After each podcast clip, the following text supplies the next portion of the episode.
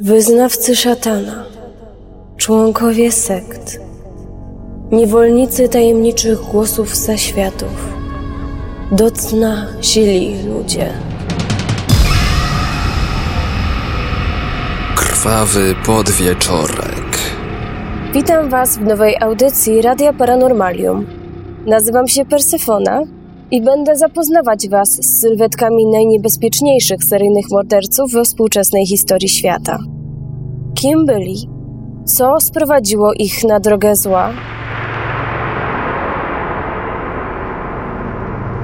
Usiądźcie wygodnie, ponieważ dzisiaj przenosimy się do Stanów Zjednoczonych. Cofamy się w czasie do 1960 roku, kiedy to 29 lutego w El Paso na świat przychodzi najmłodszy z pięciorga dzieci emigrantów z Meksyku, Juliana i Mercedes Ramirez. Dziecko dostaje na imię Richard Leiva Munoz i za ponad 25 lat stanie się postrachem Los Angeles i okolic.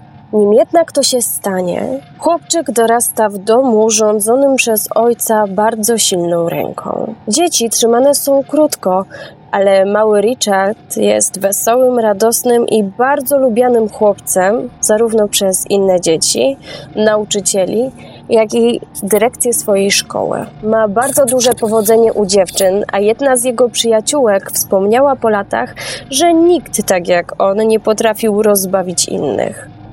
Ale nie jest idealnie.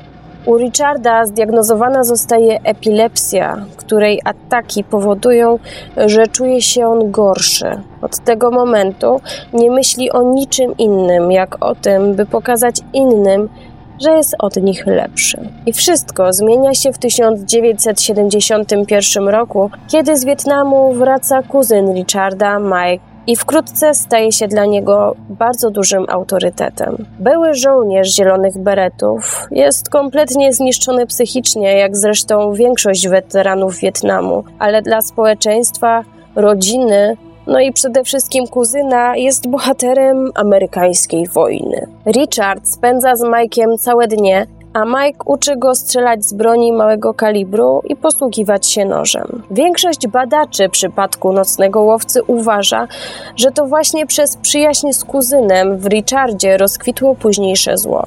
Kto wie, być może gdyby zajęli się tylko zabawami z bronią, świat nie usłyszałby o nocnym łowcy. No ale wojna wietnamska odcisnęła bardzo głębokie piętno na psychice żołnierzy w niej uczestniczących i nie ominęło to też Majka. Wkrótce w trakcie ćwiczeń z bronią celem stają się zwierzęta na pustyni, a mężczyzna chełpi się swoimi dokonaniami na froncie, którymi były liczne, niesamowicie brutalne gwałty i zabójstwo wietnamskich kobiet. Opowieści te są początkowo bardzo szokujące dla Richarda, a kuzyn okrasza je bogatą dokumentacją fotograficzną ukazującą ofiarę w trakcie zbrodniczych i sadystycznych aktów a było ich wiele.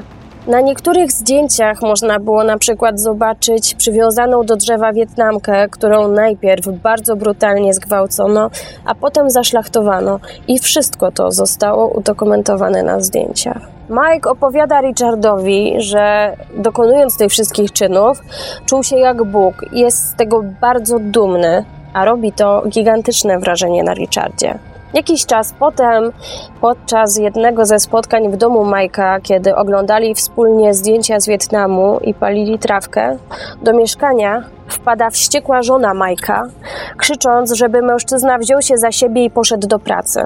Słysząc to, Mike wyciąga pistolet i strzela kobiecie w twarz.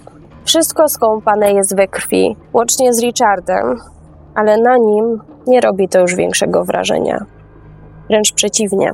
Stoi jak zaczarowany i podoba mu się to, co się stało. I nie ma za złe kuzynowi zabójstwa żony, co jest bardzo znamienne dla jego przyszłości. Obojętny na śmierć umysł Richarda odnajduje w tym zdarzeniu coś, co go fascynuje dominację nad drugą osobą. Bestialskie pastwienie się nad kobietą i strzał w jej głowę staną się później charakterystyczne dla zbrodni nocnego łowcy. A kuzyn Mike Według różnych źródeł trafia do więzienia lub do zakładu psychiatrycznego na około 7-8 lat. I od tego momentu wszystko się zmienia. Richard jest jak nie do poznania.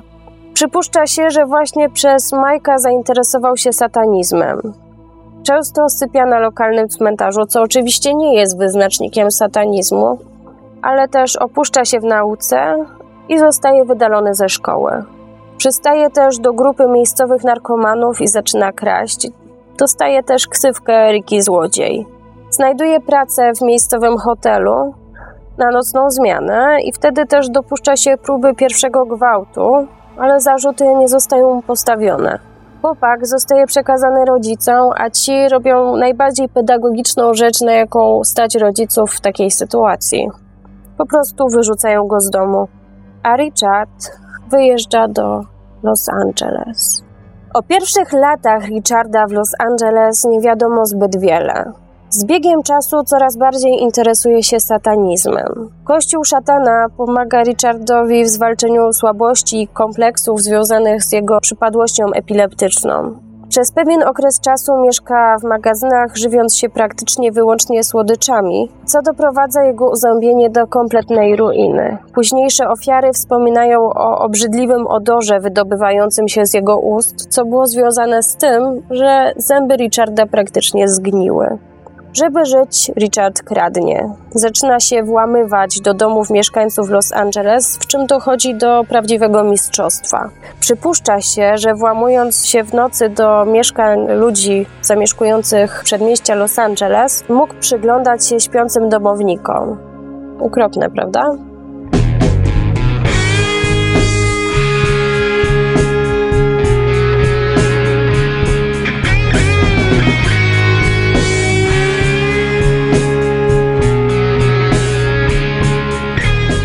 To był jeden z najgorętszych dni 1984 roku.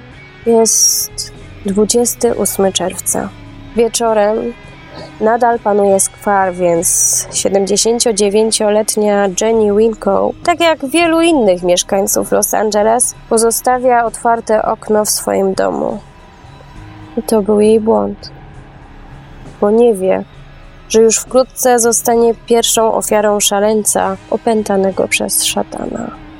Ramirez wchodzi przez okno i plądruje mieszkanie, a kobietę wielokrotnie dzika nożem. Syn Jenny odkryje potem ze zgrozą, że głowa kobiety praktycznie jest odcięta od ciała. Zabrane z mieszkania przedmioty pozwalają Richardowi wielokrotnie, raz po raz od nowa przeżywać chwilę ataku, jednak pewnego dnia przestaje mu to wystarczać.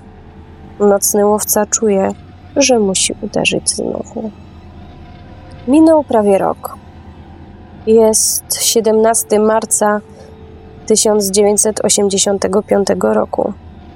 25-letnia Maria Hernandez wieczorem parkuje swoje auto w garażu. Jest zmęczona. Myśli o kolacji, gdy nagle, jak duch, pojawia się przed nią wysoki, chudy mężczyzna o ciemnych włosach. Maria z przerażeniem odkrywa, że jest na muszce pistoletu. Stara się nie patrzeć mężczyźnie w oczy, żeby go nie rozwścieczyć. Nie wytrzymała Spojrzała. Jego oczy były zimne, a twarz pozbawiona emocji. Nagle poczuła ból w ręce. Mimo strachu, w jej głowie pojawia się myśl o szansie na ratunek. Udaje własną śmierć i osuwa się na podłogę. Kolejna fala bólu przeszywa jej brzuch, kiedy mężczyzna, aby utorować sobie drogę do mieszkania, kopie ją. W mieszkaniu 33-letnia Dale Okazaki nie miała tyle szczęścia, co jej współlokatorka, bo Ramirez zastaje w kuchni z kartonem mleka w ręku. Nie ma litości. Zaskoczona kobieta dostaje kulkę w środek głowy. Krew jest wszędzie. Kiedy policja wezwana przez przerażoną Marię przybywa na miejsce, wszyscy są w szoku. Jeszcze nigdy nie widzieli czegoś takiego. W tym samym czasie niezaspokojony szaleniec morduje jeszcze po wyciągnięciu z auta Xialan Yo oraz niedługo po niej ośmioletnią dziewczynkę. W garażu Mary i Dale policja odnajduje czapkę z logo zespołu ACDC.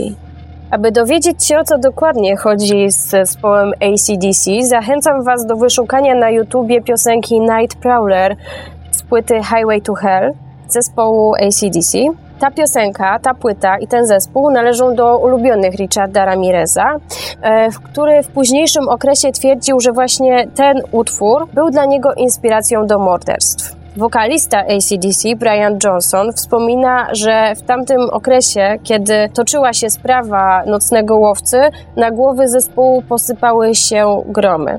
Oskarżano ich praktycznie o wszystko. Rodzice dzieciaków, które słuchały ACDC, domagali się odwoływania w Stanach ich koncertów oraz bojkotowania albumów. Jakby ACDC byli czemuś winni.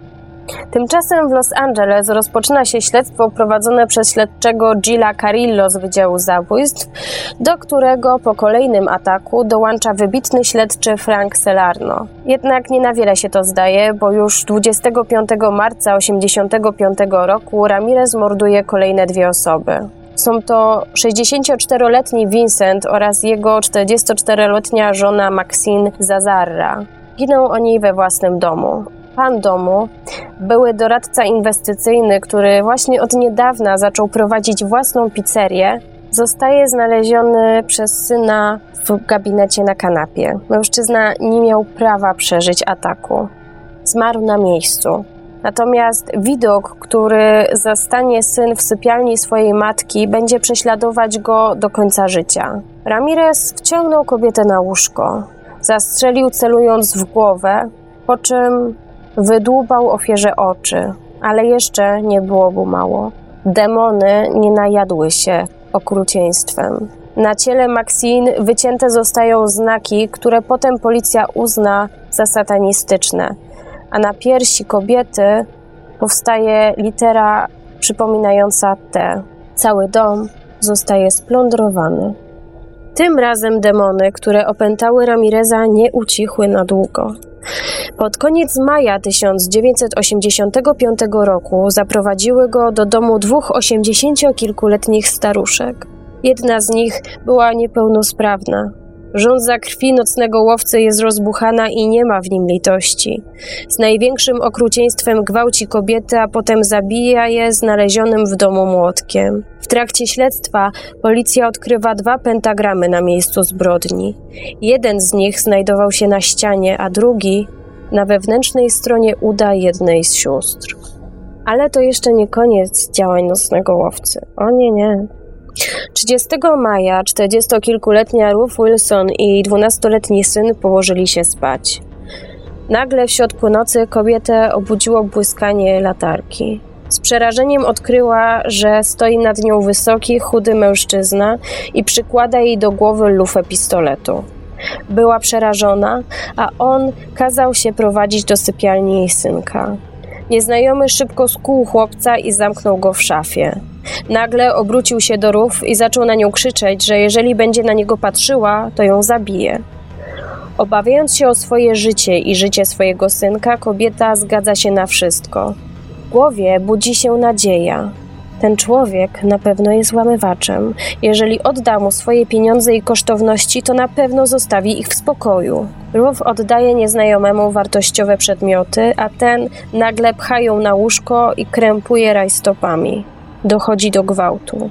Zrozpaczona, skrzywdzona Rów mówi oprawcy, że musiał mieć bardzo nieszczęśliwe życie, skoro tak ją potraktował a on ku jej zaskoczeniu odpowiada, że ponieważ wygląda ona dobrze jak na swoje lata, to on ją oszczędzi w przeciwieństwie do swoich poprzednich ofiar. Nie jest to jednak koniec dziwnych wydarzeń tej nocy.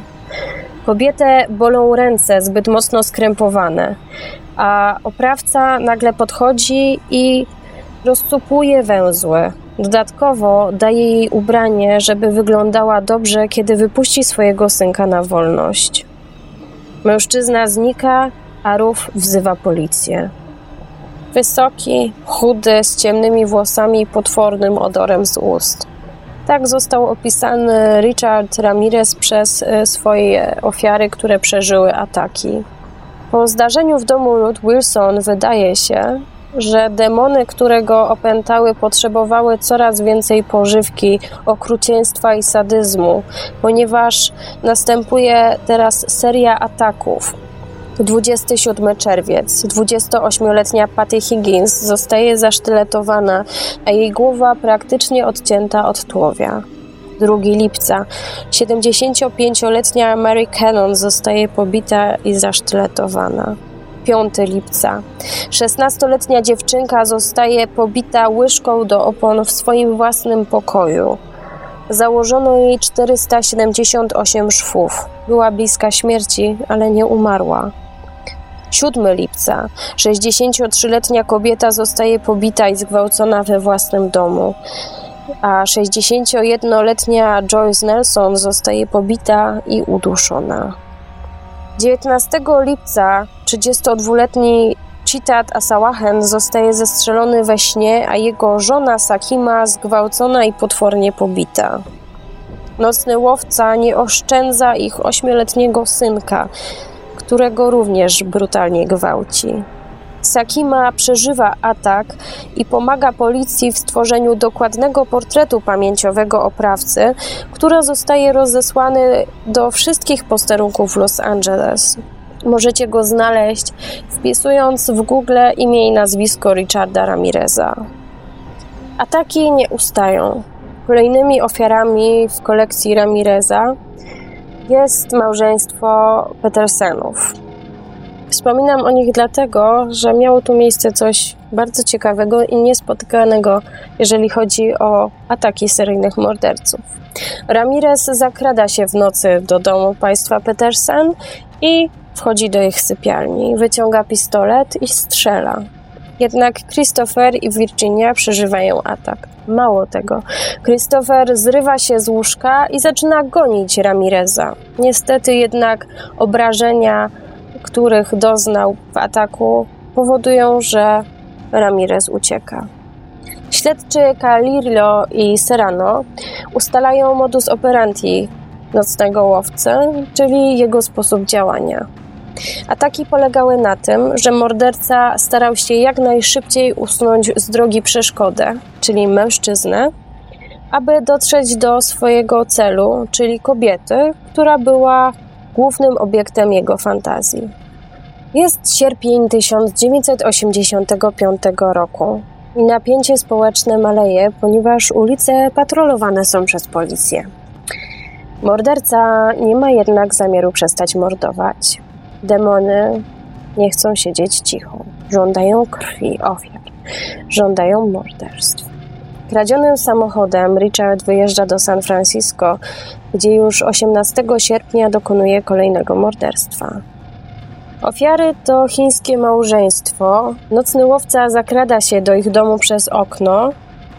Ludzi zastałych w środku morduje, natomiast dom plądruje. Na ścianie wypisuje szminką słowa Jack Knife, pochodzące z piosenki The Reaper zespołu Judas Priest. Opinia publiczna naciska.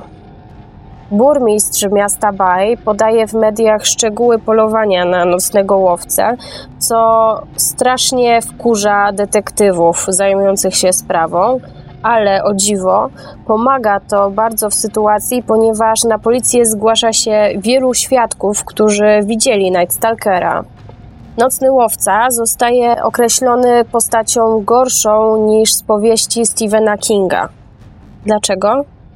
Bo jest prawdziwy.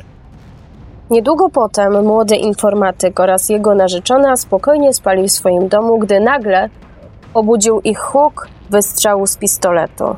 Dziewczyna odruchowo odwróciła się do partnera i ze zgrozą odkryła, że jest ciężko ranny. Zanim zdała sobie sprawę z tego, co się dzieje, ktoś nagle chwycił ją za włosy i brutalnie wyciągnął do drugiego pokoju. Był to wysoki, chudy, ciemnowłosy mężczyzna przypominający urodą Hiszpana. Jego oddech obrzydliwie śmierdział. Mężczyzna zaczął wiązać kobietę krawatem i dopytywać się, czy wie, kim on jest. Przyznał się, że jest znanym z telewizji i gazet nocnym łowcą, był z tego dumny. Po tym, jak związał kobietę, zaczął plądrować mieszkanie, jednak bardzo szybko odkrył, że nie ma w tym mieszkaniu nic, co mógłby z łatwością wynieść. Był z tego powodu niesamowicie wściekły.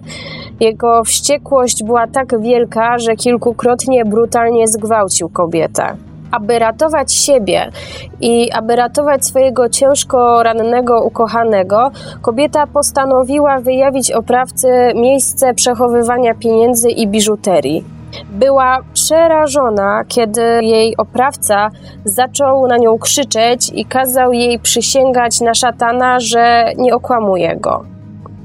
Jej przerażenie jeszcze bardziej wzrosło, kiedy po zrabowaniu skrytki mężczyzna ponownie zaczął na nią krzyczeć i szarpać ją za włosy i kazał jej wyznawać miłość szatanowi.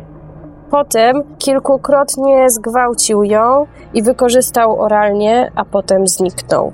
Kiedy kobieta doszła do siebie, wezwała policję. W tym samym czasie, kiedy to się działo, w sąsiedztwie pewien młody chłopak naprawiał motor w garażu. Pewnym momencie zobaczył podejrzanie wyglądającego mężczyznę, do którego należał samochód na podjeździe młodego informatyka i jego narzeczonej. Przezornie zapisał numery samochodu. Po pewnym czasie od tego zdarzenia Ramirez porzucił ten samochód, którym y, to znaleziono odciski jego palców. Dzięki skomputeryzowanej bazie danych, która właśnie została wprowadzona do pamięci, można było porównać jego odciski palców oraz odciski palców z miejsca zbrodni, która była znana już y, z ataków nocnego łowcy i dzięki temu udało się ustalić jego personalia. Udało mi się natrafić na dwie wersje złapania Richarda Ramireza. W jednej z nich kupował on cukierki w sklepie, w którym został rozpoznany, a bardziej prawdopodobna, moim osobistym zdaniem dzięki materiałowi zdjęciowemu, mówi o tym, że tydzień po ataku na informatyka i jego dziewczynę Richard szukał nowego samochodu w dzielnicy hiszpańskiej. W obu wersjach jest to dzień 31 sierpnia 1985 roku więc jesteśmy w Los Angeles, dzielnica hiszpańska. Richard idzie ulicą i dostrzega czerwonego Forda Mustanga stojącego na podjeździe jednego z samochodów. Uznaje, że jest to jego szczęśliwy dzień, ponieważ w środku znajdują się kluczyki. Kiedy wsiada i odpala stacyjkę, nie wie o tym, że pod samochodem znajduje się jego właściciel, który właśnie dokonywał napraw. 56-letni Faustino Pinon, słysząc rozruch swojego ukochanego samochodu, wyskakuje spod auta i łapie złodzieja przez okno za szyję. Ramirez zaczyna krzyczeć, że ma broń, ale Pinon postanawia bronić swojego ukochanego wozu. Złodziej próbuje odjechać, lecz właściciel nie chce go puścić. W efekcie uderzają samochodem w ogrodzenie oraz garaż. Być może z powodu y, postępującej dewastacji auta, a być może z niepohamowanej wściekłości, a być może wszystko naraz, Pinon wyciąga Ramireza z Mustanga i rzuca nim o ziemię.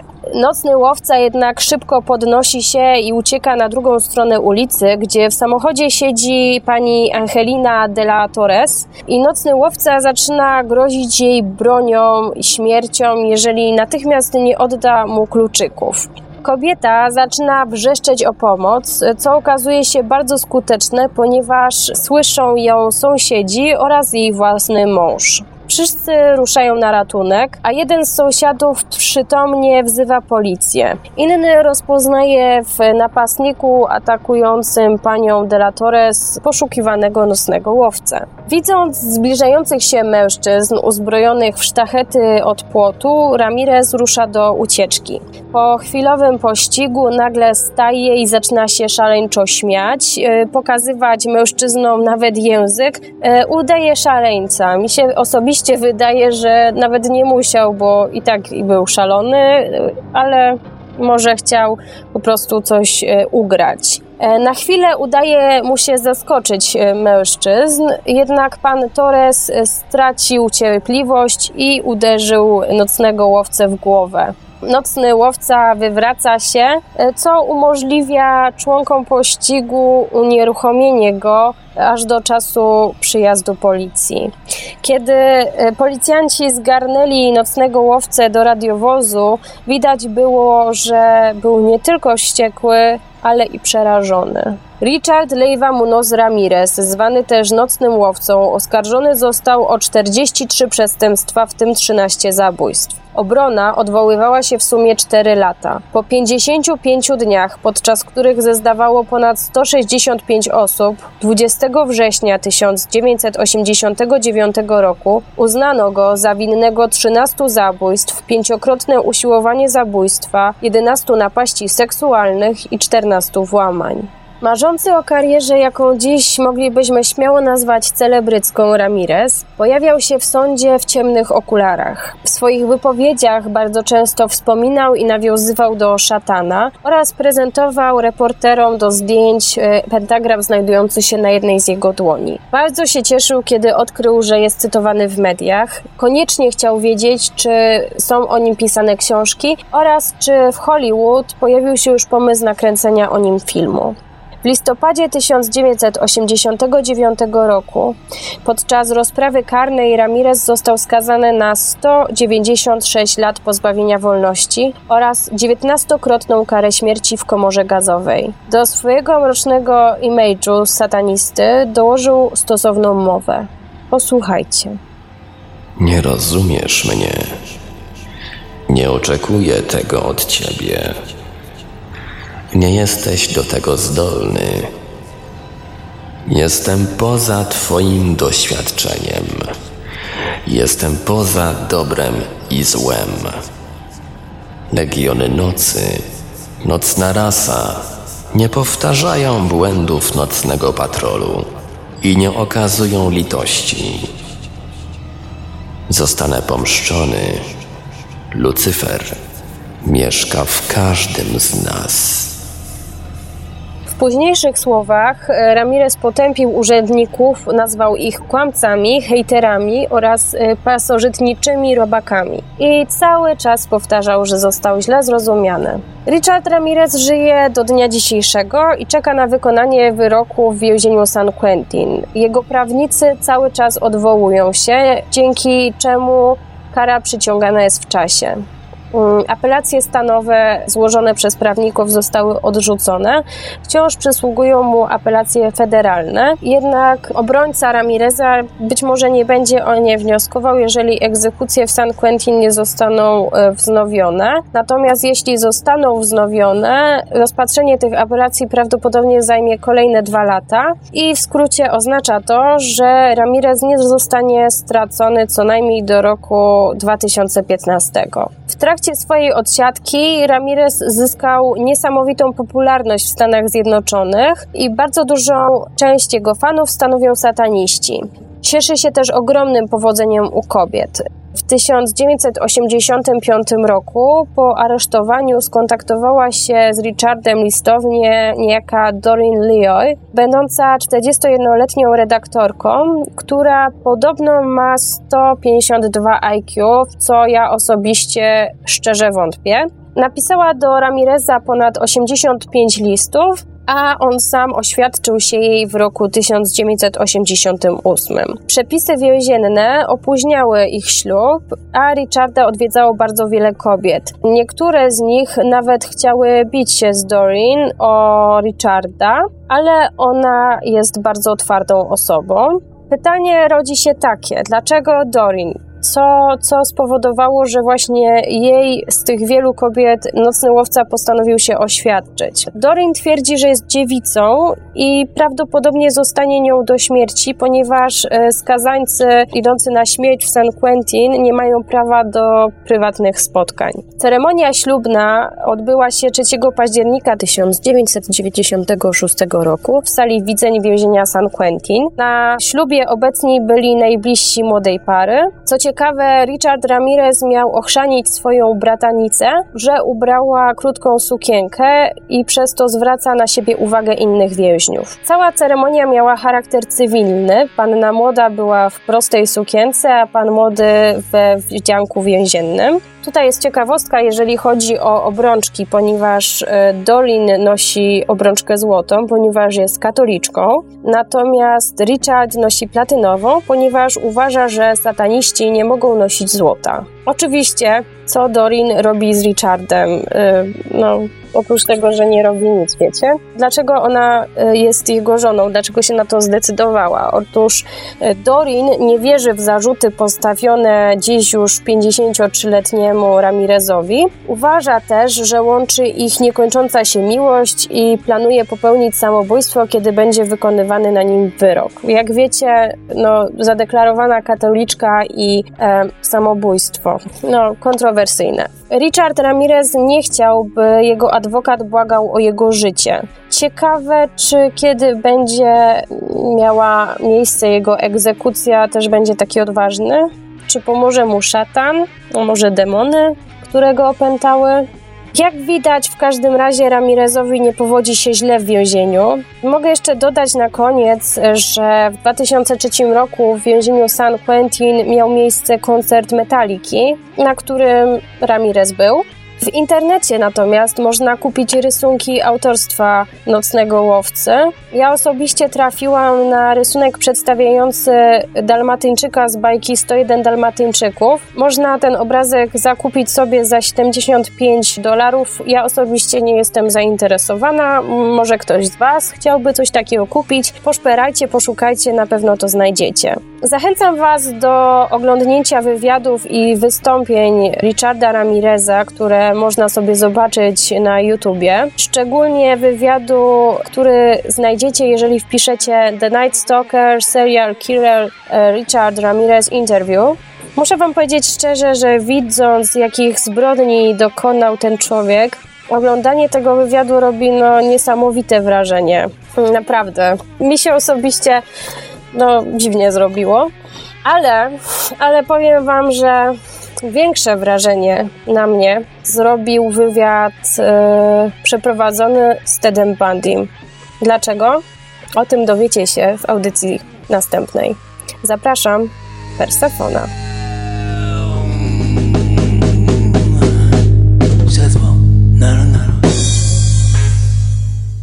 Wyznawcy szatana, członkowie sekt, niewolnicy tajemniczych głosów zaświatów do cna sili ludzie. Krwawy podwieczorek. Audycję przygotowała Persefona dla Radia Paranormalium. Pomoc oraz wypowiedź Ramireza i Velios. Audycji wykorzystano cover utworu Night Prowler z repertuaru ACDC. Jeśli chcesz o coś zapytać, skontaktuj się ze mną na forum Radia Paranormalium pod adresem radio.paranormalium.pl.